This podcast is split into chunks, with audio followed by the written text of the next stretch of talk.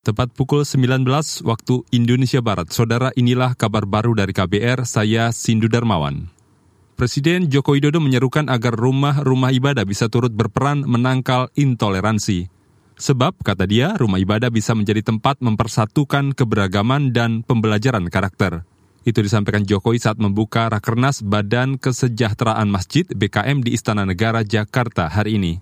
Saya juga berharap pengurus BKM baik yang di pusat maupun yang di daerah ini dapat aktif bersinergi, aktif berkolaborasi untuk menjaga masjid dari ancaman intoleransi dan ekstremisme, serta dari politisasi yang memecah belah, yang tidak mempersatukan kita. Presiden Jokowi juga mengapresiasi Kementerian Agama yang mengaktifkan kembali Badan Kesejahteraan Masjid BKM yang sudah berdiri sejak 1964.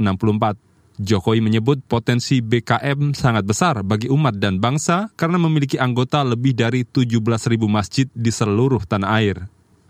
Badan Meteorologi, Klimatologi, dan Geofisika BMKG akan menyampaikan informasi perakhiran cuaca kepada Komisi Pemilihan Umum KPU untuk mendukung kelancaran distribusi logistik kotak suara untuk pemilu 2024. Kepala BMKG Dwi Korita Karnawati menyampaikan hal itu saat rapat dengar pendapat dengan Komisi Bidang Infrastruktur dan Perhubungan DPR hari ini. Tentang pemilu, kami bekerja sama dengan KPU untuk melakukan terutama memberikan sistem informasi cuaca untuk distribusi kotak suara logistik ini yang sangat penting harus dikawal karena lewat laut, lewat udara ini yang paling utama. Kepala BMKG Dwi Korita Karnawati menambahkan perakiraan cuaca juga akan disampaikan ke KPU jelang hari pencoblosan surat suara Rabu 14 Februari 2024.